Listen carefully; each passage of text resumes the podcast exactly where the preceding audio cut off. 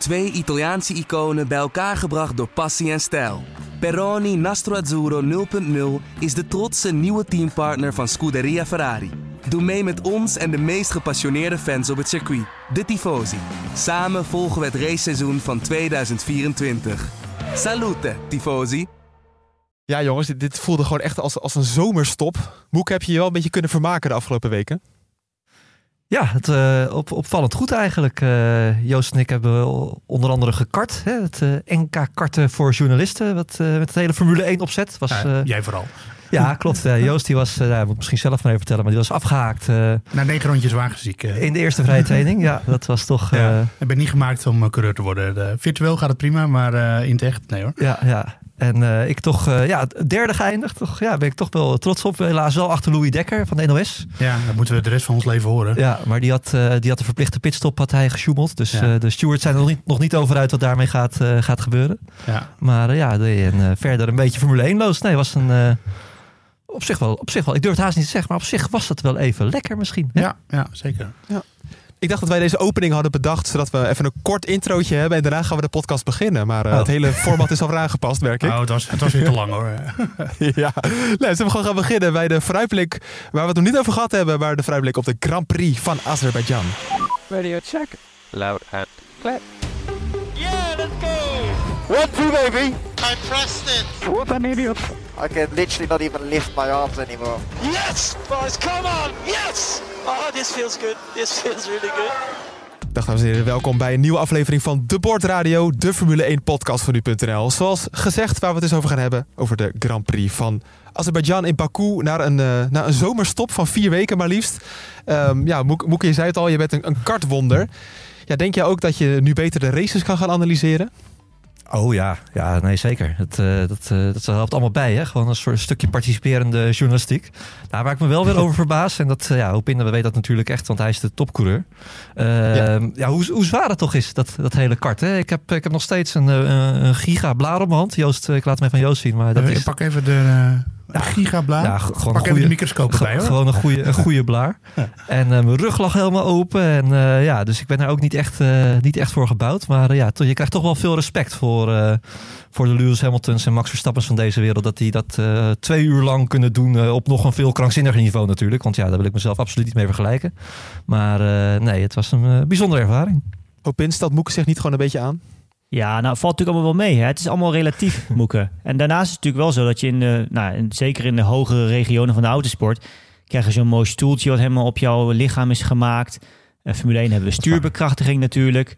Uh, is het zwaar, maar op een andere manier. Ik denk dat het uh, ander fysiek ongemak oplevert dan dat jij hebt ervaren, persoonlijk. maar dat komt misschien, dat geeft, weer, dat geeft ook wel weer aan. Want ze zeggen wel eens, de, goed gereedschap is het halve werk. Ja, in dit geval denk ik dat je toch niet de juiste uitrusting dan uh, aan had, slash mee had. Daar klinkt het wel een beetje nee, naar.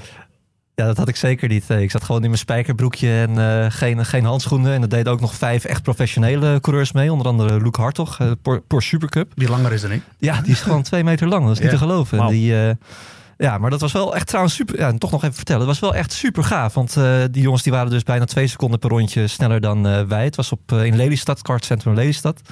maar dan ging je toch eventjes achteraan proberen te rijden. En dan is het toch wel geweldig om te zien hoe dan echt die professionele coureurs anders die bochten nemen dan jij. Ze reden gewoon, ze gebruiken, dat viel me het meest op, ze gebruiken zoveel baan. Gewoon van links naar rechts. En echt, echt je weet wel dat je van binnen naar buiten moet in de bocht natuurlijk.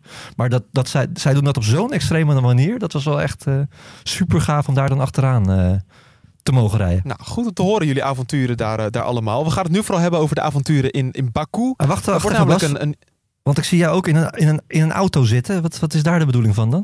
Nou ja, ik ben even op vakantie. Maar uh, ik vind het gewoon heel professioneel. ja, ja, nee, het is wel laat in de middag. Dus nee, zeker. Nee, maar het is gewoon... Um, wij zijn toch een team met z'n allen? Ja, dus dan goed. moet je natuurlijk ook als je op vakantie bent, moet je soms nog even ruimte maken om de podcast op te nemen. Ja, ja dat herinneren we. Uh, hoe zat het ook weer naar Qatar toen je vier weken van de radar was en uh, wij maar een podcast wilden maken? Oh, ja. En ja, ja. ik heb vakantie, je stoort me niet en zo. Uh, telefoon erop gooien, appjes negeren. Ja, nee, maar dan kunnen we dit. Gelijk, we hebben het nu op band staan. dus, ja, dan kunnen we dit. Ja, voor je je kan ook zeggen dat ik heb geleerd in het leven, Joost. Heel goed, heel goed. Je bent nog jong. Je Ja, kan, ik je laat kan jullie niet meer in de steek. Ja, Heel goed. Nee. Even voor de, voor de goede orde, we zijn dus compleet met het team met Patrick Moeken, Joost Nederpelt en Hoop in Toeng. Mijn naam is eh, Bas Scharwachter. Grand Prix van Baku, dus we gaan er nu echt even over praten. Want het wordt een, een historisch Formule 1 weekend met eh, zo goed als zeker een nieuw format. Nou, Ik zeg dit alvast, want wij nemen dit op dinsdag op. Ja. Dus waarschijnlijk gaan wij iets bespreken en daar klopt woensdag helemaal niks van. Maar goed, we hebben natuurlijk onze bronnen even geraadpleegd, Joost. En ja, wat gaat het nieuwe format waarschijnlijk worden?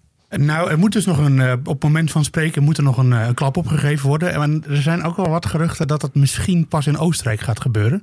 Ehm, Oh, nee. Dus ja, daar gaan we weer. Maar goed, dat is, eh, dat is de disclaimer die we dan er gelijk maar even bij zeggen. We hebben het eh, voor die tijd in ieder geval besproken. Dan hebben we het voor die tijd. hebben we het- het- als, dan Het gaat we- gebeuren, toch? Als mensen dan in Oostenrijk willen weten wat gebeurt, moeten ze deze podcast even terugluisteren. Eh, maar even, ja, heel simpel. Ehm, eh, we hebben dus een sprintrace weekend dit weekend, de eerste van het jaar.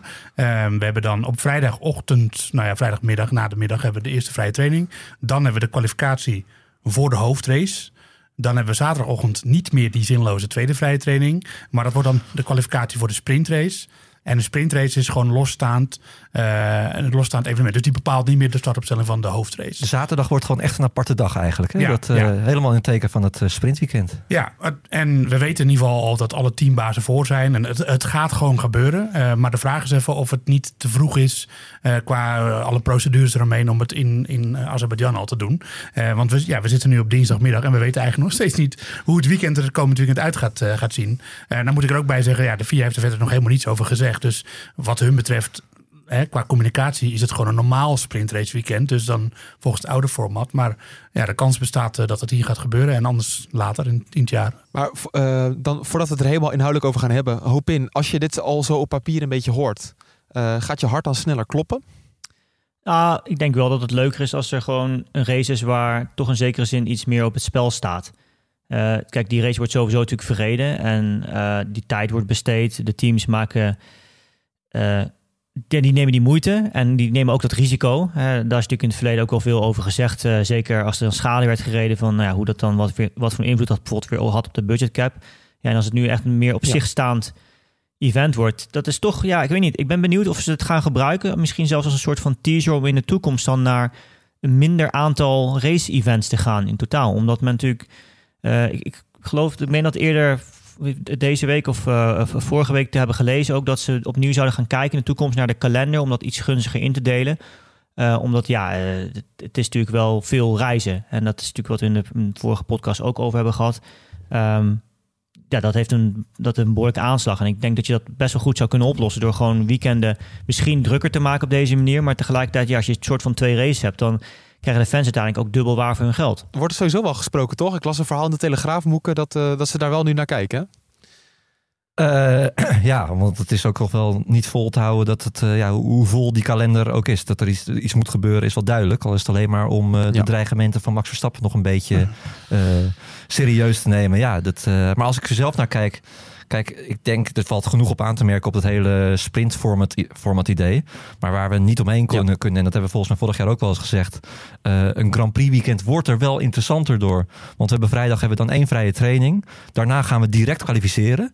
Eh, die kwalificatie is, is dus niet voor, voor zaterdag, maar al direct voor de, voor de echte race, voor de Grand Prix, zeg maar. Eh, en zaterdag heb je de- dan dat losse formatje, die derde training die daar nog een beetje tussen zat, die zijn we kwijt. En die was eigenlijk altijd helemaal hopeloos, omdat je, die viel onder de Park van regels. Dus mensen gingen dan alleen maar banden testen. Was, eh, voor, ja, voor de, de training is natuurlijk niet, de vrije training is natuurlijk niet al heel bijzonder.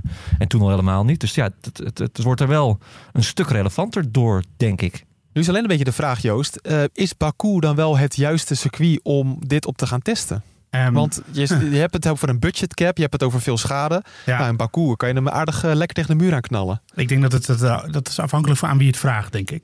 Eh, als je het aan, de, aan de, de organisatoren en de Formule 1 vraagt, dan vinden die dat waarschijnlijk een heel goed idee. Want laten we eerlijk zijn, die houden wel Ja. van een beetje spektakel. Als je het aan de teambazen vraagt, nou, Christian Horner zei daar ook in Australië wat over. die maakte zich daar wel zorgen om. Want ja, schade is gewoon, kan echt een flinke hap uit het budget halen. En ja, zeker als je ehm, vooraan een uh, meedoet. Wordt, nou, eigenlijk geldt het voor alle teams, maar denk dat je dan het beste de middenveld kan pakken. Uh, daar zitten ze natuurlijk toch een beetje nog uh, in de categorie elk dubbeltje moet omgedraaid worden. Maar als je dan een anderhalf miljoen schade rijdt door een geintje in een sprintrace. Um, wat zomaar kan, want dat hebben we natuurlijk gehoord hè, met, met Mick Schumacher vorig jaar. Ja, als je echt een auto helemaal plat rijdt. Nou, dan gaat het echt wel aardig in de papieren lopen. En ja, dat wil je dan niet. Maar ja, aan de andere kant, je doet mee om te racen. Het is een race. We gaan al een paar jaar naar Baku. Dus ja, ik denk dat je er ook niet te veel over moet zeuren. Ik denk ook in, het is wel leuk inderdaad voor de hele hype rondom zo'n weekend. Ja, er valt veel meer te kijken. Ja, ik moet eerlijk zeggen, ik kijk er echt naar uit. En dat is misschien ook een beetje wat ze willen creëren met zo'n format. Ja, natuurlijk als de auto's de baan op gaan, wat ik zei, als het ergens om gaat, is het altijd leuker. Als een race is uiteindelijk hetgene waar het om draait. Natuurlijk is het heel gaaf. En zeker voor een coureur is het ontzettend gaaf om in een kwalificatie met een lege auto, weinig brandstof, nieuwe banden, echt voluit. Uh, ja, die grip te voelen, die snelheid van zijn auto echt te voelen. Uh, maar uiteindelijk is het natuurlijk, ja, het, het race is waar het om draait. En dat is ook uiteindelijk waar echt punten worden verdeeld. En uh, wat dus ook voor de fans ook veel leuker is om te zien. En ik, ik denk dat, het, dat dat het, het moeilijke ook is aan de sport. En dat is ook een beetje eh, de FIA. Moet ik zien, het is Formula One Management en de FIA. Die zijn natuurlijk ook altijd constant in conclave over. Want het is natuurlijk de kunst om een goede balans te vinden in entertainment en sport. En, en, en, en dat is natuurlijk altijd een, een oneindige discussie. En dat, is, dat, ja, dat, dat gaat ook door natuurlijk in bijvoorbeeld hoe technische reglementen worden gebouwd en dergelijke. En, en dit is daar ook een onderdeel van. Ja, je moet, je moet ook niet vergeten, hè? kijk, wij zijn niet de doelgroep. Het klinkt een beetje hard, maar wij zijn niet de doelgroep van de Formule 1. Uh, eh, wij kijken toch wel. Ja. Uh, ze willen gewoon een, een breder publiek bereiken. Nou, je hebt toch ook best wel een grote groep nou Formule 1 fans, sportliefhebbers, die kijken gewoon alleen de race. Heel misschien af en toe de kwalificatie. Maar door zo'n extra race te organiseren, ja, mensen worden wel gewoon uh, door getriggerd. En wat jij ook zegt, Bas, ik, jij kijkt er dan naar uit, ik op zich ook wel. Maar ik hoor ook om me heen van mensen die af en toe Formule 1 kijken. Ja, die, die, die, die zijn, zijn ook wel enthousiast. Je krijgt toch twee keer een soort start. En we weten allemaal, het gaat ja, niet nergens over, maar wel het is iets minder van belang. Maar je hebt wel een soort nieuwe, een nieuwe bus om alles heen, een nieuwe hype. Uh, ja, wat, wat voor een extra dynamiek zorgt. En wat ik heel leuk vind persoonlijk is dat de sprintrace nu echt een, een race aan zich is. En wat je heel vaak zag met Verstappen en Leclerc, die reden niet helemaal op de limiet, omdat ze wisten de punten worden pas bij de hoofdrace verdeeld. En nu is het gewoon vol er voorbij. En als je crasht, ja, dan heb je alsnog die hoofdrace nog. En start je gewoon op de positie waar je vrijdag op gekwalificeerd bent. Ja, dat geeft mensen wel een beetje de, de, de kans om gewoon meer risico te nemen. Aan de andere kant denk ik wel nog steeds dat uh, ja, dus je, je, krijgt nu dus meer sprintraces dit weekend. En op deze manier wordt die denk ik ook nog wel iets belangrijker gemaakt. Uh, alleen ik vraag me wel af of, of dit nou helemaal past bij de kracht van wat Formule 1 momenteel is. Want we hebben natuurlijk allemaal wel uh, regels die het inhalen veel eh, beter moeten maken. Heeft het gewerkt? Ja, ik denk het wel een beetje. Maar aan de andere kant hebben we natuurlijk ook wel veel sprintraces gezien. Dat het gewoon een treintje is. En uiteindelijk uh, dat degene met de beste race pace eigenlijk al vooraan staan. Want die, er is al een kwalificatie geweest. En iedereen rijdt bij elkaar weg. En dus ik zou als Formule 1 ook weer niet te veel gokken op die sprintraces. Als de auto's dezelfde nadelen blijven hebben als dat ze nu hebben. Want ja, inhalen blijft gewoon met een Formule 1 auto uh, op dit moment moeilijk. En uh, misschien is dan zo weinig rondjes wel uh, niet, niet het juiste recept. Moet je juist een langere race hebben dat strategie een meer een rol gaat spelen. want de strategie is toch vaak momenteel hetgene wat races echt, echt interessant maakt. Je moet misschien wel een compliment aan de, aan de FIA uitdelen. Dat ze wel snappen dat je een sprintrace op een circuit als Baku moet doen, toch? Hoop in. Want er waren ook geruchten dat Zandvoort in de race was. Toen dacht ik, ja, maar een sprintrace op Zandvoort met alle respect, hoe leuk dat ook zou zijn, is, gaat niet heel spectaculair zijn. Nou, ik denk dat het leuk is op Baku. Ik vind het wel gaaf eigenlijk. Tuurlijk, ja, daarom. het, het, het, het, feit dat het gewoon uh, wat risicovoller is voor een coureur. Natuurlijk dat je een lang rechtstuk, lang rechtstuk hebt waar je kunt inhalen ook. Uh, DRS uh, speelt natuurlijk altijd een grote rol hier ook weer. Um, ja, het is toch altijd een circuit wat toch wel een soort voor wat spektakel zorgt. Hè? En ook wat dingen in de mix gooit. Toch een soort van uh, verrassingen die af en toe boven komen met auto's waarvan je niet verwacht dat die dan in één keer competitief zijn. En dat, ja, dat is natuurlijk een beetje inherent aan het circuit. Lang rechte stuk, toch ook wel wat snelle bochten er weer in. Tractie wat heel belangrijk is. Um, baan die zich constant heel erg veel verandert, omdat het natuurlijk een straatcircuit is. Dus het is echt, uh, het is wel heel leuk. En ik, ik denk dat, dat, dat dit een goede toevoeging is persoonlijk. Ja, ja, en Moeken natuurlijk een prachtig circuit, omdat je nooit weet of je een lekker band kan krijgen of niet. ja, ja, ja nee, dat, uh, dat kan altijd natuurlijk. Ja, het is toch, staat er pas kort op Baku, maar we hebben toch wel een paar iconische momenten gezien. Uh, Vettel die tegen. Hamilton aanrijdt uh, bij ja. de eerste editie. Leen Stroll hebben we een keertje op het, ja. op het podium zien staan. we hebben de Red Bulls tegen elkaar aanzien knallen. Uh, met, met Ricciardo en Verstappen. We hebben nou ja, die klapband dan Verstappen die, die dan al aanhaalt. We hebben Leclerc gezien die zijn motor op, opblaast opeens vorig jaar. Ja. Ja, het is toch een... Uh, Hamilton die zich verremde in de eerste bocht. Het, je, Hamilton die ervan ja, afschiet. je vergeet het mooiste moment. Ja, oh, dat nog, ja. De, magic button. De magic button. ja. Nou ja, moet je nagaan. Dus het is, het, is, het is wat dat betreft een apart... Er gebeurt altijd wel wat. We kijken er ook naar uit. En dan is natuurlijk de vraag, wat gaan de verhoudingen zijn, uh, Joost? Um, we moeten er weer een beetje inkomen na een maand. Maar volgens mij zijn we allemaal niet vergeten dat Red Bull sowieso de favoriet gaat zijn. Uh, waren die het snelste? Even denken hoor, hoe zat het ook alweer? ja, ja even kijken hoor. ja. Nee, um, ja, natuurlijk. Dat, dat staat buiten kijf. Al heeft Verstappen hier uh, uh, natuurlijk, en daar had die klapband ook een rol in. Maar heeft hij hier ook maar één keer gewonnen vorig jaar. En, dus het is ook niet de beste hunting ground oh. voor onze grote Nederlandse vriend. Um, maar ja, nee, natuurlijk. dit straatcircuits, of wat voor circuits we momenteel komen, het maakt allemaal niet uit. daar is Red Bull het sterkste. Dat, dat lijkt me evident. En de vraag is natuurlijk wel ja, uh, welke teams gaan er al een beetje met dingen komen. Um, dat is, maar daar gaan we het zo even over hebben. Eerst wil ik nog wel één team er even uitlichten. En dat is Aston Martin. Uh, want ja. zij hebben wel echt, denk ik, de snelheid in de langzame bochten.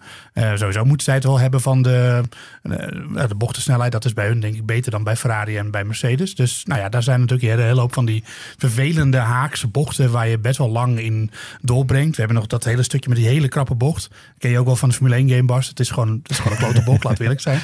als ik ergens in de Formule 1 game ja. wil in de muur heb gehangen, dan is het daar. Blijft toch mooi hoe jullie ja. de Formule 1 game dan betrekken. Ja, maar dat gaat over dit. Dus ja, ja, heel goed. Ja, en uh, wat zei Leclerc ook alweer? I am stupid. Dat hij daar in 2019 in de muur stond. Um, Zeker. Nou, dat is wel een plek waar ik denk dat de Aston Martin misschien kan uitblinken. En dat gaat ook iets weggeven over wat we in Monaco gaan zien. Dus uh, nou, wat dat betreft, uh, dat is wel het team to watch, denk ik, Aston Martin. Wat op zich ook niet een hele bouwde uitspraak is. Maar... En ik denk dat uh, Ferrari het moeilijk gaat krijgen. Omdat die natuurlijk zich hebben gericht meer op uh, rechte lijnsnelheid. Nou, dat heb je hier wel nodig. Maar dat is, ze hebben er ook wat voor opgegeven als bochtensnelheid. En je verliest toch wel heel veel tijd als je hier niet goed bent. In die, in die, vooral in die middensector. Ja, nu weten we inmiddels, als we toch even terug gaan naar Red Bull, hoop in dat de uh, Red Bull gewoon heel erg uh, solide auto is, heel gebalanceerd. Maar dan krijg je ook nog eens zo'n lang rechtstuk erbij. We weten hoe hard die kan lopen. Gaan we ooit Max Verstappen wel in, in de beeldregistratie zien? Want die rijdt misschien wel in het begin weg en die zien we dan nooit meer terug. Ja, dat hebben we natuurlijk al een paar keer eerder gezien dit jaar. Dat ze, dat ze zo ver voorop rijden dat ze niet zoveel in beeld meer komen. Maar uh, ik denk persoonlijk ja. wel, de, de kunst natuurlijk om op, ja, hier in Azerbeidzjan gewoon in dat DRS-window te blijven. Want daar win je natuurlijk hier zo ontzettend ja. veel tijd mee. Uh, ook al ben je relatief veel te langzaam, uh, kun je daardoor toch nog wel enigszins erbij blijven. Ik probeer een beetje positief te zijn. Als we naar de race van vorig jaar natuurlijk kijken, waren de, de gaat natuurlijk ook al echt enorm tussen Red Bull en de, de ja. rest van het veld.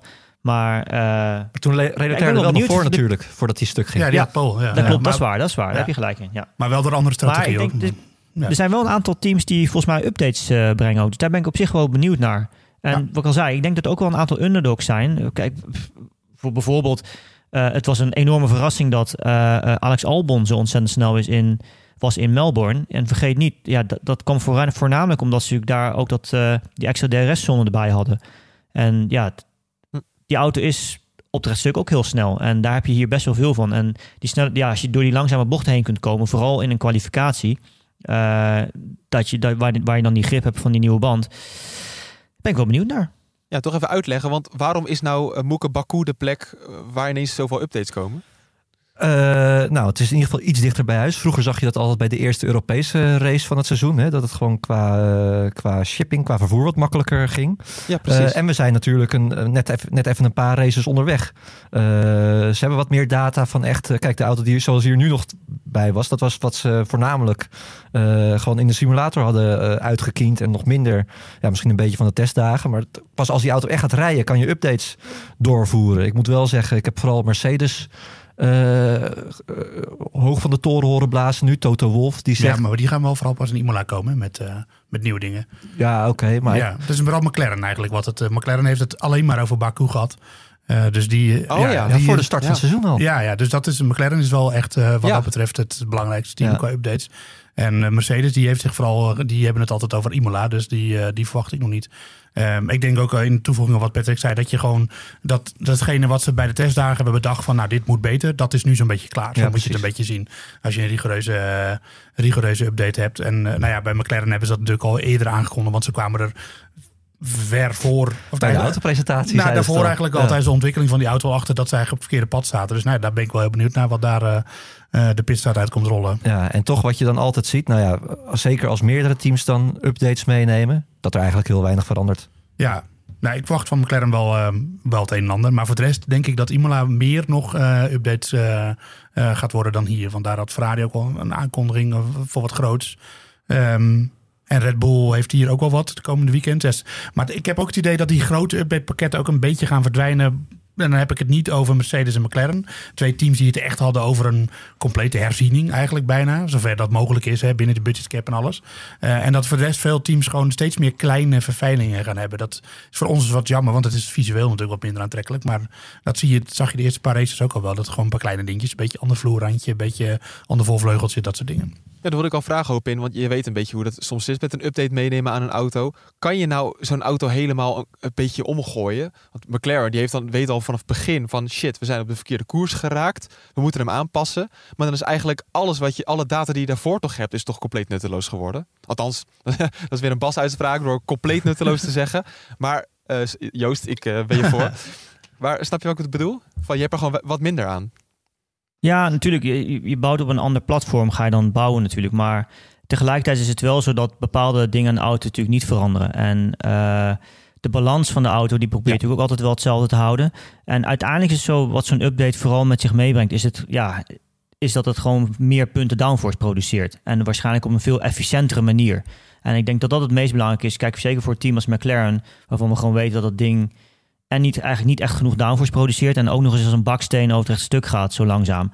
Dus ja, daar is natuurlijk, eh, als je dat weet te verbeteren, dan, eh, eh, ja, hoe, hoe je het ook bent of keert, is het uiteindelijk per saldo altijd beter. En ik denk dat je natuurlijk pas, als je bijvoorbeeld naar een team als Red Bull kijkt, ja, daar zullen ze, wat, wat Joost al aangeeft, ga je natuurlijk met veel meer finesses ga je aan de gang. We weten allemaal, de vloer van, van deze auto's is het cruciale punt. Eh, en dat is ook ja, wat, wat we wel vaak hebben gezegd ook. Uiteindelijk hoeven die veranderingen ook tegenwoordig niet zo groot meer te zijn. Omdat het vooral die finesses en die kleine details zijn... die uiteindelijk ook voor een groot effect kunnen zorgen. En dat, ja, dat hebben we eh, vorig jaar gezien. Dat zien we dit jaar eigenlijk ook weer. En ik denk de enige waar we dat volgens mij ook wel voor hebben gehoord... natuurlijk is Mercedes. Omdat die natuurlijk heel lang hebben getwijfeld over dat concept... Hè, met die sidepods. En zeker na de eerste race van het seizoen en de tests waren grote woorden ook weer van, van het team. Van dat ze de plank allemaal misgeslagen. Maar ja, uiteindelijk als je dan naar, naar Melbourne kijkt weer. Ja, moeten ze dat dan in één keer weer allemaal in de prullenbak gooien? Of moeten ze toch weer voortbeduren hierop? Ik denk dat dat, als je, als je dan naar een team kijkt eh, waar er misschien twijfel is. Ik denk dat dat daar eerder het geval is dan bijvoorbeeld bij McLaren. Want bij McLaren is het volgens mij gewoon meer een efficiency verhaal. Ja, het, is- ja, precies. Dat gaan we nog maar even volgen wat er allemaal gaat Maar- gebeuren. Er zullen vast wel weer aankondigingen zijn als deze podcast Maar online mag ik staat. eh, gelijk even inbreken? Want ehm, bij Mercedes hebben we natuurlijk afgelopen, nieuws, eh, afgelopen week het nieuws gehad dat eh, James Elliott, of James Ellison en Mike Elliott, ik verwissel de namen zelf al, dat die van, van plek zijn verwisseld eigenlijk. Want Ellison was drie dagen in de week nog Chief Technical Officer en Mike Elliott was ja, technisch directeur eigenlijk. En die zijn dat omgedraaid. Volgens de officiële bronnen, omdat eh Elliot zelf inzag dat het niet zijn perfecte positie was. Maar je weet natuurlijk nooit hoe dat van binnen gaat. Maar ik zat opeens te denken, zij zijn allebei vanaf Lotus naar Mercedes gegaan. En dan denk ik, wie zat er in die jaren misschien wel bij Lotus? Oh, hoop in. Heb jij nog met hun gewerkt eigenlijk, met Allison en Elliot? Zeker. Ja. maar dat is, toen ik dat Oh. nieuws las ook, dacht ik ook van... hé, hey, dat is raar, want ik heb in Singapore nog best wel lang met James Ellison staan praten vorig jaar. Dus ik, ja, misschien had ik dat eerder gemist. Was ik niet helemaal up-to-date zoals we- wellicht had gemoeten. Maar ik was altijd in de veronderstelling dat hij nog steeds... misschien is het ook wel zo als chief technical officer... ben je in principe ook uitverantwoordelijk natuurlijk. Ja, ja. Uh, maar hiermee ga je natuurlijk meer in... Ja, hoe zeg dat? In een actieve rol weer echt op de vloer. Maar voor zover ik weet, wat ik zei... ik heb hem in Singapore gewoon gezien. Liep hij met een koptelefoon op, liep hij heen en weer in de paddock, eh, in de pits, uh, zat hij aan de muur, noem maar op. En ja, ik heb daar met hem gesproken een tijdje en ook over de auto en dergelijke. Dus ja, uh, ik weet niet precies wat, of het nou puur gewoon een, ook een morele boost is weer voor het team. Omdat ja, hij, heeft natuurlijk, hij is natuurlijk wel aan het roer gestaan van grote successen. Ja, maar kan werken, wat voor man is dat, Jellison? Kan je dat een beetje omschrijven? Ja, een hele rustige, rustige kerel eigenlijk wel. Geen, uh, geen rare, ja, hoe zeg je dat? Geen grote uh, ego. Ik weet niet of je het zo kunt zeggen. Down to earth. Ehm, ja, aardige kerel eigenlijk. Hij woont ook, eh, ik, ja, hij, woont ook in, ik, ik weet toevallig waar hij woont in Engeland. want ik heb vrienden die bij hem, eh, dat zijn de buren. Eh, ook echt gewoon heel simpel, ergens in het nou ja, afgelegen, niet in een grote stad, niks fancies. Het, is, ja, het is iemand die echt wel voor de sport leeft. En vergeet ook niet, hij heeft natuurlijk ook een tijdje bij Ferrari gezeten. Ja. Daar is het eigenlijk, ging het niet zo goed. Misschien ook vanwege nou ja, het feit zijn privésituatie op dat moment.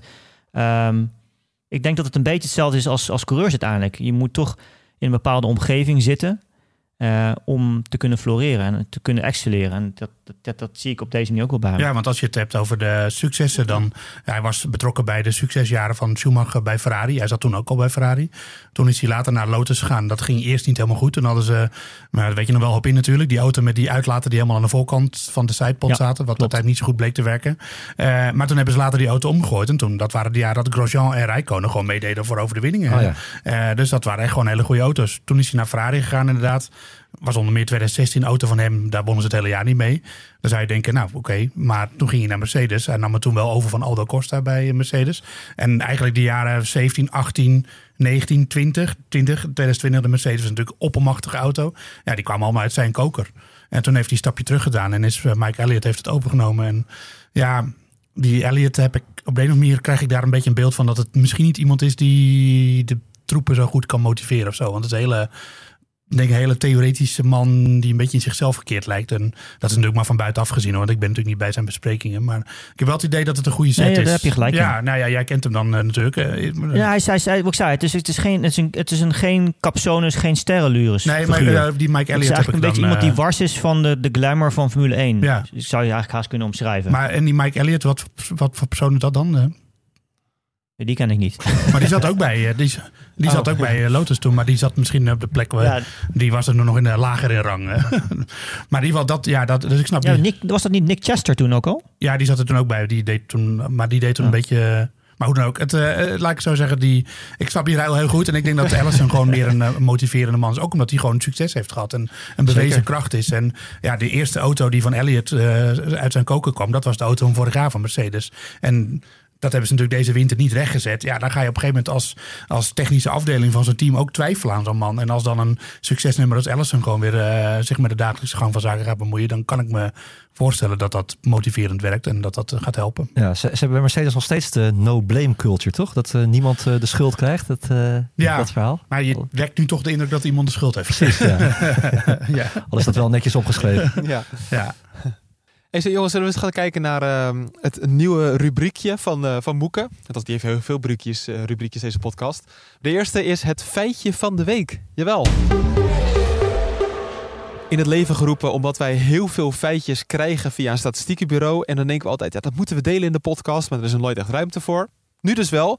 Moeke, wat heb jij eh, deze keer eh Nou ja, ik vond het eigenlijk best opvallend. Maar we zijn hier nu eh, de, de vijfde keer de Grand Prix van Azerbeidzjan. De zesde keer dat we in Baku racen. Maar daar kom ik zo nog eventjes op, op terug. Maar er is nog nooit een coureur geweest die de Grand Prix van Azerbeidzjan twee keer heeft gewonnen. Dus nu mag eh, Joost even Oh, gaan opnoemen als, je, als je dat lukt. Eh, Ricciardo 2017, Ja. Hamilton 2018, Bottas 2019, 2020 niet gehouden, Perez 2021 en vorig jaar mag Verstappen. Ja, mooi. En dan de bonusvraag, want we hebben hier dus eh, zes keer geraced. Ja, Dat kwam omdat de Grand Prix van Europa ook een keertje in Baku eh, was. ja, Weet je nog wie die won? Rosberg. Ja, Ja. fenomeen. Ja, ja. Ja, dit is toch wel knap. ja, maar die race die is iedereen vergeten, want dat was echt een poepsaaie race. En toen dacht iedereen van, jezus, wat is dit voor circuit en het is helemaal geen toevoeging. Ja, En toen een jaar later ging het helemaal chaos. los. Ja, ja, ging Ja. het helemaal los. Ja, dus eh, nou ja, ik vind het echt een aanwinst op de kalender nog steeds. Absoluut. Ik heb, ik heb nog wel een, kijken naar de ik heb naar nog wel een paar mooie statistiekjes eh, voor je, Bas. Kijk eens aan. Oh, kom maar op, hoop Ik heb in. nog een paar opgezocht weer voor je. Als Verstappen Ja. dit weekend wint, dan wordt het zijn 38ste overwinning voor het team van Red Bull. En dat is een, eh, dat is een record wat eh, op dit moment in handen is van Sebastian Vettel. Dus dan komt hij daarmee op gelijke hoogte. Ah, Ook bijzonder. hij kan geschiedenis schrijven, alweer. Ja. Hij breekt alle Ja. records. Maar ik zou, ik zou toch, even- toch blijft toch Ja. bijzonder. Ja, ik zal Joost wordt weer kwaad als ik dat het, eh, vaak zeg, maar dat is toch wel ongekend. Wat? Nou, gewoon dat, ver- dat Verstappen Ja, gewoon ja. qua Red Bull Oh, dat weer, ja. Ja, ja. Dat is toch niet te geloven? Nee, niet Weet je hoe goed Vettel was in die Ja, jaren? ja, ja, ja, nee, zeker. Nee, maar je hebt ook gewoon gelijk. Ja. Dat is ook, daar gaat het ook niet om. Eh, nee, zeker. Ja, ongekend. Dit was het hoekje, of had je er nog meer op in? Ja, oh, Eh, Ja, hij heeft eh 16 van de laatste 22 races gewonnen. Ja, is, eh, Als je het natuurlijk uit, over een seizoen zou uitsmeren, dan... eh, hè, natuurlijk als je kijkt naar de lengte van het seizoen tegenwoordig... dan eh, is het nog niet elke Grand Prix winnen wat hij zelf volgens mij eh, ambieerde. Maar het begint al wel in de richting te komen natuurlijk. ja. Ongekend. Ja, als je het hebt over, over het statistiekje van jou, Moeke. ehm, gaat het feitje eraan deze week? Eh, nee, denk ik niet. Want die zegen zal toch wel vanuit het eh, Red Bull duo komen. Ik denk eigenlijk ja, dat als er niks geks gebeurt, dan zal Verstappen met de zegen aan de haal gaan. En anders Perez. Dus ik denk niet dat het... eh, Dan gaat hij er wel aan, toch? Het feitje. Oh, hij gaat er, oh sorry, Oh, dan wacht, gaat hij ja, er wel ik- aan. Ja, klopt. Nee, scherp. Ja, nee. Ja, nee, nee, hij, gaat er zeker, ja, hij gaat er zeker aan. Hij gaat er zeker aan. Ik denk, ik denk niet dat we nog een eh, zevende coureur gaan krijgen die, eh, die de- deze Grand Prix eh, gaat winnen. Nee, dat denk ik niet. Nou ja, Alonso. Als we, Als eh, Oh. Joost die zei net toch eh, dat we wat op Ast- Aston Martin moesten letten? Ja, Kom op Joost. ja inderdaad. Let, let goed op wat ik zeg. Dat, kan nog, dat zou Dat zou wel geweldig zijn. Toch? Ja, nee, ja, ik, ik, ik denk, nee, in principe, ik heb me deze week, eh, wat daar- ik, Bas, ik wil zo eigenlijk nog even een technisch hoekje improviseren, maar dan met, met hoop in, eh, als, als eh, coureursvisie hierbij. Sidekick. Als zij nou niet, niet nee, als, hoofd, eh, wel als hoofdmenu. Ehm, maar eh, ik heb me deze week gewoon eh, heel erg verdiept, voor een video verdiept in wat nou die Red Bull zo sterk maakt en zo.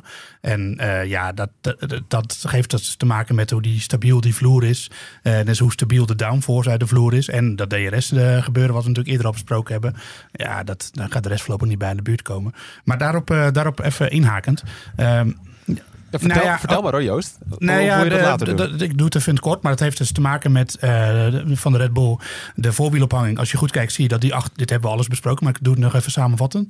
Eh, de voorwielophanging, als je die goed ziet, dan zie je die, dat die een beetje achterover staat als het ware. Eh, dat is om te zorgen dat de auto niet induikt bij het remmen. En je hebt aan de achterkant heb je, is de vooring zo, de achterwielophanging zo ingericht dat die, dat heet anti-squat, zoals coureurs dat noemen. Dat gaat op in zo meteen ook nog een keer gebruiken, die term waarschijnlijk. Ehm, dan zie je dat als, het, als hij accelereert, dus dat hij niet induikt aan de achterkant. Inzakt, ja, precies. En het hele doel hiervan is om de vloer zo stabiel mogelijk te maken. Dat de downforce ook stabiel is. Dus dat je altijd een beetje weet hoeveel downforce je hebt als coureur. En dan vraag ik me dan af, want ik ben natuurlijk, eh, ik heb laatst gekart negen rondjes, toen werd ik wagenziek. Dus nou, hoge bochtensnelheden.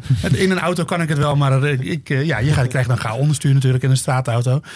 Rijden met downforce op in. Kan je eens uitleggen hoe het nou kan dat, jij, dat je dan als coureur op een bocht afkomt. Je hebt downforce. Dat is natuurlijk niet natuurlijke grip wat je voelt vanuit... zoals mensen met het kart hebben, wat je voelt vanuit de band. Het is een ander soort grip. Ja. Eh, hoe, het, hoe je dan weet als coureur van... nou, deze bocht, eigenlijk zegt mijn brein... de banden hebben niet genoeg grip, normaal gesproken... om deze bocht vol gas te nemen. Maar ik weet dat ik downforce heb. Dus ik jank hem gewoon vol gas doorheen. Hoe, hoe, hoe, hoe voel je dat aan? Dat zou ik wel eens willen weten. Ja, je hebt toch op een bepaalde manier, als je in een auto zit, eh, een bepaalde balans in je gedachten eigenlijk wat een auto heeft. En het, is natuurlijk niet alleen een bocht, hè. Het, komt ook, het komt ook voor natuurlijk in het, in het eh, remmen bijvoorbeeld. Ehm, en alles is in, in, in een bepaalde manier, is het- ik weet niet hoe ik het kan uitleggen het beste. Het is allemaal toch wel een soort van in balans. Dat als je op een bocht aankomt, op een of andere manier zegt dan je instinct wel op wat voor snelheid je de bocht in kunt gaan. En vaak is het zo, zeker natuurlijk als je eh, op, een, op een eerste ronde op een circuit komt, dat je misschien net wat te weinig snelheid meeneemt. Maar dan weet je wel meteen de, de ronde daarna dat je veel meer snelheid op die end weer kunt meenemen. En het is natuurlijk wel zo ook, het klinkt een beetje stom, maar een auto met downforce, hoe harder het natuurlijk gaat, hoe meer downforce de auto Nou, dat produceert. Er komt op een gegeven moment Ja, een einde aan. ja. Dat is ja, logisch. maar waar is het einde? Maar, ehm, maar goed, maar vergeet ook niet. Hè. Kijk, tegenwoordig is het wel zo dat je...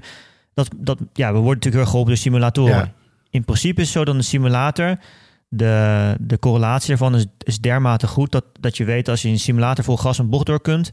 dan kan het in het echt ook. ja. Daar, daar hoef je eigenlijk niet echt dan over te twijfelen... tenzij er, weet ik veel, iets- een hele rare baanomstandigheid is... of wat dan ook. Maar ehm, het is toch een bepaalde manier vertrouwen in de auto hebben. Ja. En Maar, maar je, wat ik al zei, het is, het is natuurlijk, als jullie, kijk, als je als coureur zijn, eh zo, zo, ja, mm, dan zeg ik het met veel eerbied Ja, hoor, ja. overigens. Als jullie bijvoorbeeld in een Formule 1 auto zouden stappen en je komt op zo'n bocht aan, dan natuurlijk jank je hem dan niet Nee, vol gas erin. Maar je moet ook niet vergeten dat deze coureurs, die, ja, die, die hebben al jarenlang vele niet anders gedaan dan met downforce auto's te rijden. En uiteindelijk is het zo dat die stappen natuurlijk, die downforce neemt steeds meer toe. Die wordt steeds anders. En per saldo, uiteindelijk is het ook wel weer zo, je went eraan. En uiteindelijk is ook zo'n auto is uiteindelijk ook een auto. Het is allemaal, ik wil niet zeggen hetzelfde, maar het, het- maar wat ja. was de, de eerste auto met downforce waarmee je gereden? Formule 3? Of daarvoor nog een eh, andere Formule Renault? Mm, nou, natuurlijk is het zo dat eigenlijk alle, nee, Formule BMW. Maar ik denk als je kijkt naar een auto met echt, die echt efficiënt veel downforce produceert, was het zeker Formule 3. En dan heb ik het over de, zeg maar de, de, de echte Formule 3 auto's, als ik het Ja. mag zeggen. Dus niet zeg maar waarmee we tegenwoordig in het voorprogramma rijden Nee, van, maar gewoon de, van de, de, Formule 1. Lara, de, tenminste de, de Maar de, ja, de, Ja. de Lara, de Lola, daar, reed ik ook, daar heb ik ook nog mee gereden. Eh, gewonnen overigens, een Duitse Formule 3 kampioenschap. niet, niet zo. Eh, moet goed je ja, dat er toch even terecht. ja, ja, dat Nee. waren ja, tegen Nico Ah, Hulkenberg. Renger van Oh, der Zanden. ja, ja. eh, om een paar, een paar Maar, namen te eh, noemen. moest je toen heel Ja, nee, maar anders, dat heel was, anders eh, leren rijden? Dat vraag ik me dan vooral af. Omdat je gewoon, dat het onnatuurlijk is. Dat je, heb je toen niet de eerste keer gedacht van... Hey, deze bocht die moet ik eigenlijk veel harder nemen dan ik hem nu neem. Want ik ben niet gewend dat je auto op het asfalt wordt gedrukt... en dat je dus veel meer grip hebt. Nee, op de ene manier gaat dat toch een soort van natuurlijk. En wat ik zei, dat begint natuurlijk al met het remmen. Het gaat, je komt een bocht aan en je hebt, eh, natuurlijk omdat je op, op hoge snelheid aankomt, heb je het eerste remmoment heb je heel erg veel grip. Dus je moet dan ook echt behoorlijk explosief remmen eigenlijk. Hè. En als je bijvoorbeeld naar een rem eh, ehm, kijkt van een coureur, een Formule 1 coureur, zie je dat de, de, echte fanatiekelingen onder ons kunnen dat misschien ook wel vinden op internet, is het altijd een soort van mooie driehoek. En dat komt eigenlijk zo, die, die, je trapt rem, dan gaat die remdruk heel erg hoog. En naarmate de snuit omlaag gaat, neemt natuurlijk ook de downforce af. Dus dan moet je eigenlijk die remdruk terugnemen, omdat je anders last krijgt van Ja, blokkerende precies, ja. wielen.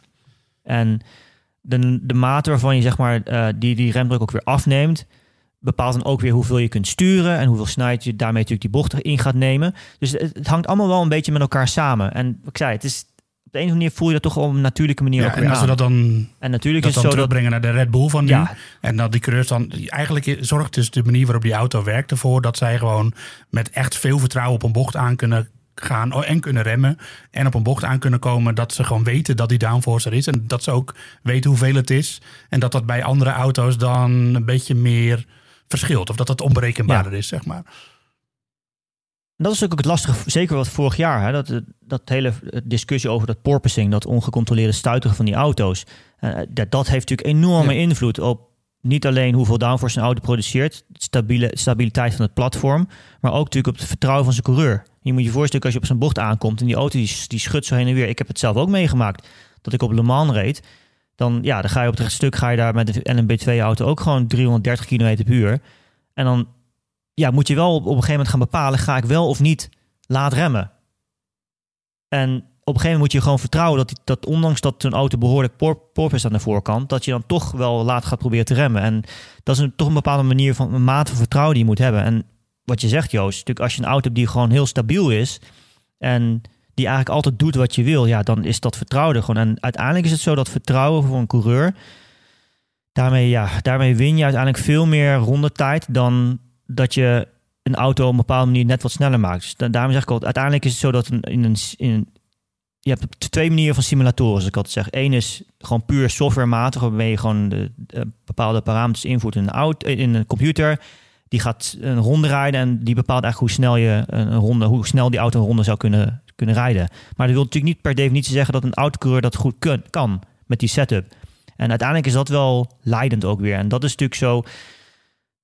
Door alle data, door alle sensoren, is misschien de input van de rijder tegenwoordig minder van belang dan vroeger.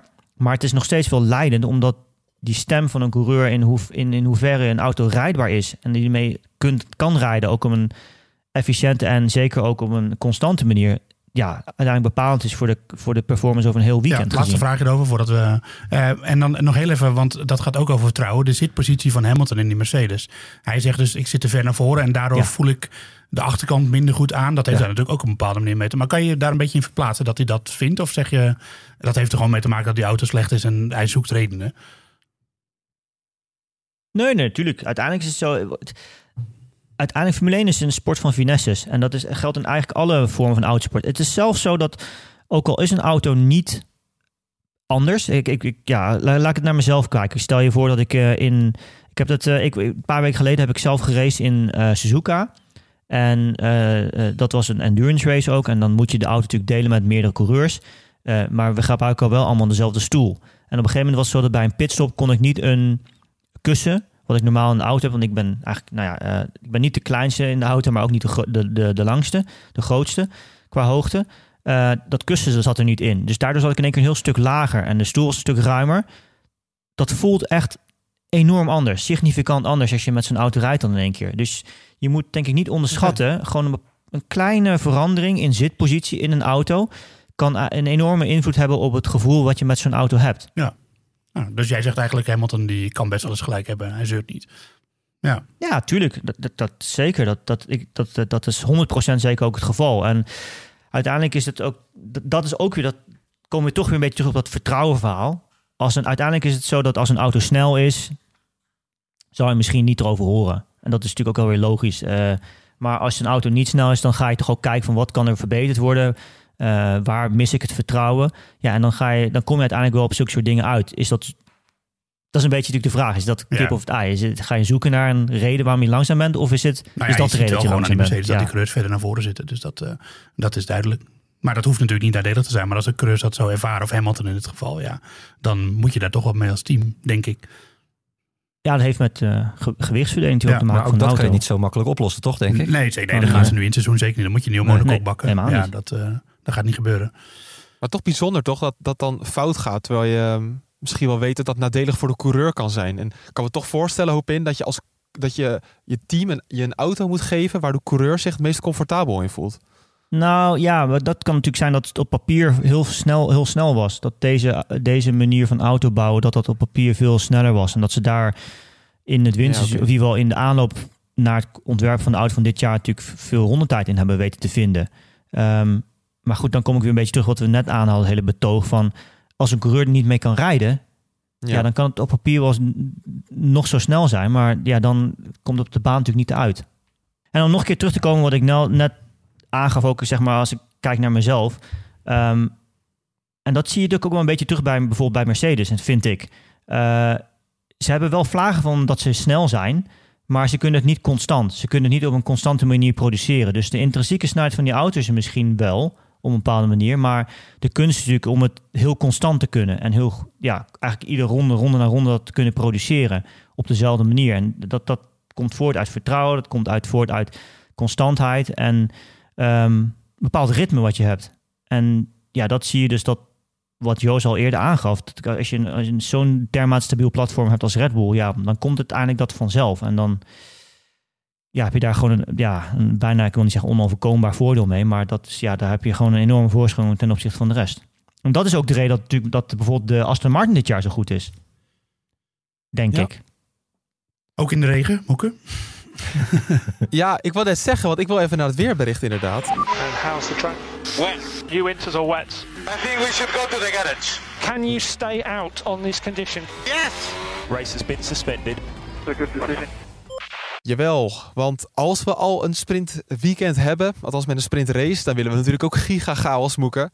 Gaan de weergoden ons dat Eh, geven? Ik weet niet of er giga-chaos komt. Maar ehm, ja, als het komt, dan komt het in ieder geval niet door het weer, zoals het nu lijkt. Want het, ja, het belooft gewoon een zondag weekend te worden in eh Baku. Met een, eh, ja, tussen de 22, 23 graden. En eh, het, blijft, ja, het blijft droog. Ja, het blijft gewoon droog. Dat, dat is het, het saaie weerbericht eigenlijk voor nu. Matig windje, dus daar hoeven we ook niet bang voor te zijn. Het, nee, qua, qua weergekkigheid geen, geen grote chaos dit weekend. Maar ja, het is natuurlijk wel Baku, dus je weet ook niet hoe het, eh, waar de chaos dan wel vandaan komt. Die ligt altijd op de loer- natuurlijk. Maar dat is wel cooler dan vorig jaar, toch? Het is wel, dat is wel wat cooler dan vorig jaar. Ja, klopt. Klopt. Sowieso van, eh, van de afgelopen jaren eh, trouwens. Dus ja, dat is misschien wel weer een extra uitdaging voor de teams. Omdat ze daar dan minder data over, over hebben. Dan is het wel weer interessant. Hier zijn ook de drie zachtste banden in de range van Pirelli. Eh, die worden hier gebruikt. Hè? Dus de C3, C4 en de C5. Dus ik ben benieuwd eh, hoe dat gaat uitpakken. En zeker natuurlijk omdat je dan, als de temperatuur wat lager is, ga je misschien op de C3, dus de harde band, toch snel last krijgen van graining, wellicht, ben ik bang. Zeker op een straatcircuit. Zal Ferrari wel last van krijgen dan. Ja, Als er iets met banden is, is het altijd een nadeel van Ferrari. Daar komt het eigenlijk wel op neer. Ja. Nou, ik, Maar ook, maar, ook nog, Ja. maar ook nog dit jaar eigenlijk, want we weten dat natuurlijk van de afgelopen tijd. Maar Nou, ehm, ja, dat is een beetje jammer dat, eh, dat Charles Leclerc natuurlijk eh, vroeg uitviel in Melbourne. Want daar hebben ze iets gevonden in de auto, zeggen ze. En dat had ook vooral daar wel mee te maken. Ehm, En ik denk wel, dat, want dat vind ik nog een belangrijkste vraag. Uh, als je het hebt over het opwarmen in de, van de volbanden. Vooral wat je natuurlijk in de kwalificatie in Melbourne ook heel erg zag. Maar dat kan hier, zeker als we twee kwalificaties hebben, ook een doorslaggevende rol uh, spelen. Want de, die Red Bull, zoals die eigenschappen die die heeft, dan gaan we nu niet helemaal meer naar terug op, dus maak je geen zorgen. Maar dat is wel een van de redenen waarom het gat in de, in de kwalificatie met de rest kleiner is dan in de race. Omdat die setup zoals die is van de Red Bull ervoor zorgt dat dat moeilijker is. De opwarmen van de banden. Dus daarom zijn, is het gat in de race vaak veel groter. Dat vond ik nog wel even belangrijk om te benadrukken. Ehm, en, uh, dus ja, ik, en ik weet niet, want ja, de volbanden grip hier is natuurlijk wel heel belangrijk met al die haakse bochten. Um, dus ja, het is sowieso misschien wel een klein beetje een, een bandenvreter. Anders, of denk je dat het wel meevalt op in? Uh, ik denk dat het wel meevalt. Mm, Zeker als de temperatuur wat laag is, zal het misschien wel meevallen. Maar het is natuurlijk wel een, baan die veel stress geeft op de banden, op de constructie van een band. Omdat uh, nou ja, te maken met die hoge snelheden constant, over langere tijd, met die aantal snelle bochten erin. Maar vergeet ook niet, dat is, maakt het extra lastig in de kwalificatie ook. Omdat je natuurlijk relatief weinig bochten hebt waar je um, veel energie in de banden laat gaan. En daar, dat maakt natuurlijk extra moeilijk om die voorbanden ook op temperatuur te krijgen. Dan heb ik het vooral het, het ontbreken van snelle bochten eigenlijk. Dus kijken naar de verhoudingen, jongens. Dat, uh, dat we zeker weten hoe de, hoe de verhoudingen gaan liggen. Wat het podium gaat worden. Want oké, het lijkt me duidelijk als ik jullie hoor dat Red Bull sowieso die eerste twee treders gaat, uh, gaat betreden. Uh, Alonso lijkt daarna de grote favoriet. Maar waar moeten we nou nog meer op gaan letten? Nou, toch uh, Nick de Vries hebben we nog helemaal niet genoemd. Maar het wordt natuurlijk wel interessant om te zien wat hij kan op... Uh, ja, weer heeft, heeft hij wel eens gereden, denk ik. Ja, met de Formule 2. Ja, ja, ja, ja, ja. Zeker. Nou ja, dat, dat is al... gewonnen zelfs met de Formule 2. Oh, dat zou wel kunnen. Dat, ja. dat seizoen was hij hartstikke, ja. hartstikke goed. Nee, het, uh, dat is ook wel weer een voordeel van hem dat hij nu weer een beetje op bekend terrein komt. En Baku is natuurlijk wel een circuit waar je als coureur kan onderscheiden. Zeker. Uh, ja, een foutje ligt op de loer, maar als je hier goed bent, ja, dan, uh, dan kan je ook echt even het verschil maken als, als coureur. En ik hoop ook dat, ja, dat Nick dat lukt. Uh, het zou lekker voor hem zijn ook als hij een keertje in de kwalificatie sneller gaat zijn dan Tsunoda. Zit er al dicht tegenaan. Dus ik denk dat het een kwestie van tijd is voordat het gaat gebeuren. En ja, hij staat nu op de laatste plek in het kampioenschap. Uh, ja, daar moet hij natuurlijk wel eventjes een, uh, een keertje vanaf. Ja, want als we toch een beetje kijken, Joost, naar hoe hij het überhaupt in het seizoen doet. Mag hij zelf tevreden zijn? Um, als hij, natuurlijk, hij moet wennen aan het team. Hè. Ik ben een beetje open deur, want natuurlijk is hij niet tevreden. Maar ja, is het een beetje roeien met de riemen die hij heeft? Of presteert hij um, toch wel een beetje onder? Nou, ik denk dat als je... Kijk, mensen verwachten natuurlijk van hem dat hij... omdat hij relatief veel ervaring had als rookie... Uh, dat hij zomaar even in zou stappen en Tsunoda zou verslaan. Nou, daar hebben we het de vorige keer eigenlijk ook al over gehad. Dat, dat was niet realistisch. Uh, en als je dat in oogschouw neemt... dan denk ik dat hij gewoon normaal functioneert uh, als coureur. Die nog veel moet leren. hoe de auto af te stellen, misschien door het weekend heen. we weten wel dat hij goed is met qua feedback naar, naar zijn engineers. Maar ja, je moet, het, je moet zo'n race denk ik ook een beetje leren aan elkaar te knopen. En dat is, dat is, dat is lastig.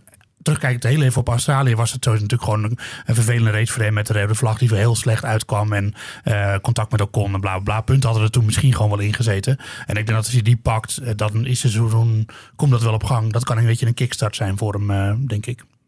Hm, ja, Moeke, als je uh, want dan willen we natuurlijk heel graag dat hij in de punten eindigt. Maar als je dan de auto niet hebt, dan wordt dat wel heel erg lastig. Is, is dat ook wel iets. Ja, dat is ook moeilijk om erop te gaan afrekenen, toch? Zeker.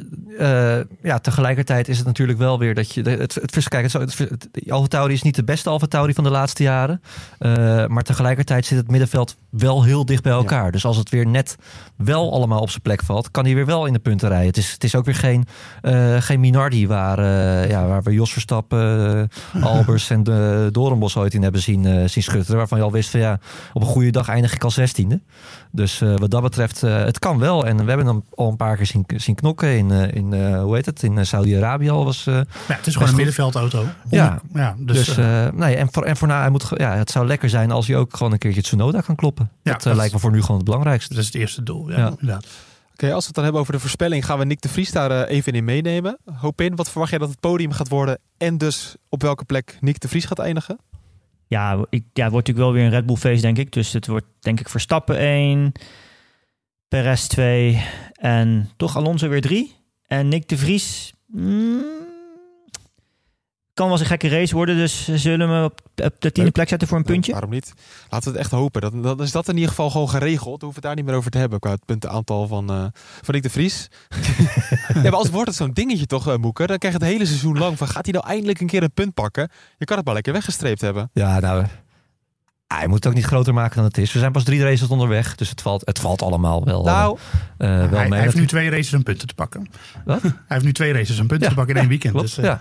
Nee, ja. Ik denk dat voor hem bijvoorbeeld ook wel weer zo'n sprintrace lekker is. ja. Dat je Ja, toch weer Qua eventjes... wat- opbouw. eh, Ja. ja. ja, Ja. nee, denk nee, ik ik moet een beetje denken, als ik je toch even mag onderbreken. Met Verstappen en de kwalificatie was dat heel lang een ding. Dan kon hij de jongste pole position eh, persoon worden, weet je wel. En dat lukte maar niet. En elk weekend was het weer van, nou, nu moet het wel gaan gebeuren. Het werd een dingetje. Ja, dat, maar daar is nu echt nog, eh, echt nog te vroeg voor. Het is ook niet echt dat eh Nick heel veel dingen fout heeft gedaan of zo in die eerste drie, eh, drie races. Dus ik vind dat we dat, eh, dat, dat ding nog even moeten skippen. Maar ik ben het wel met je eens.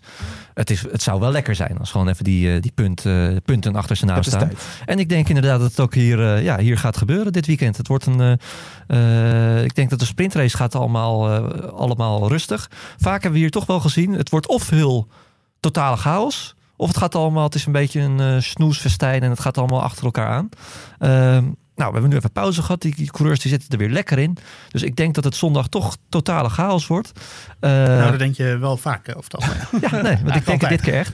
maar nu echt. Ik denk het dit keer echt. Dus eh, ik, ja, ik, ik, ik, ik hoop natuurlijk op een Verstappen zegen. Maar ik, ik denk dat er toch iets gaat gebeuren waardoor Verstappen niet wint. Puur omdat we hier in het verleden in zulke korte tijd toch al heel veel gekke dingen hebben gezien.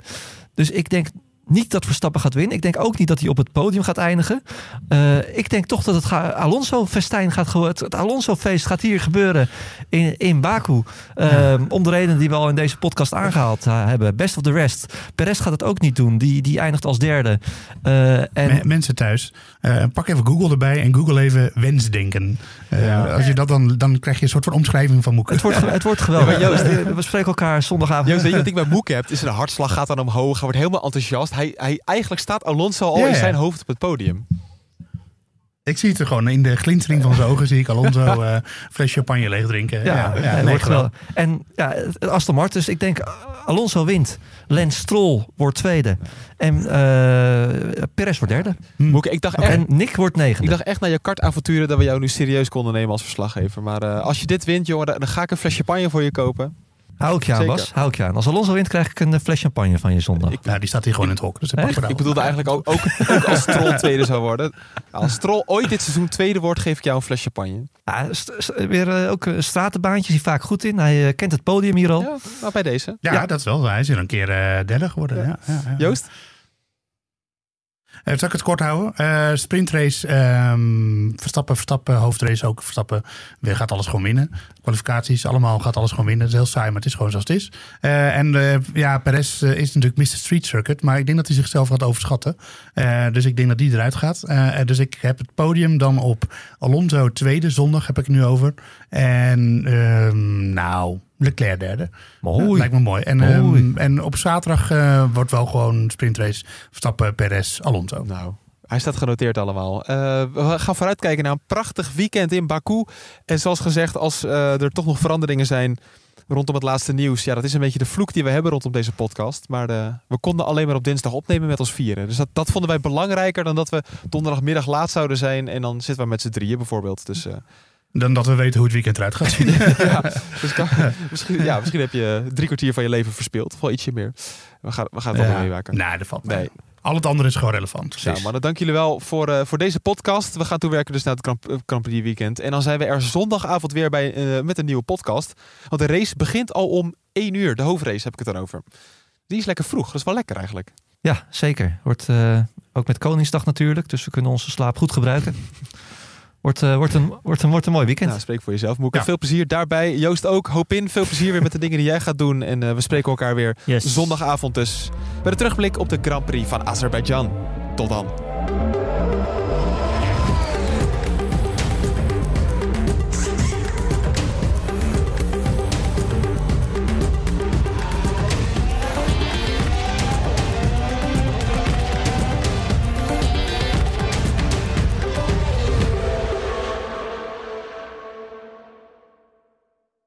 Twee Italiaanse iconen bij elkaar gebracht door passie en stijl.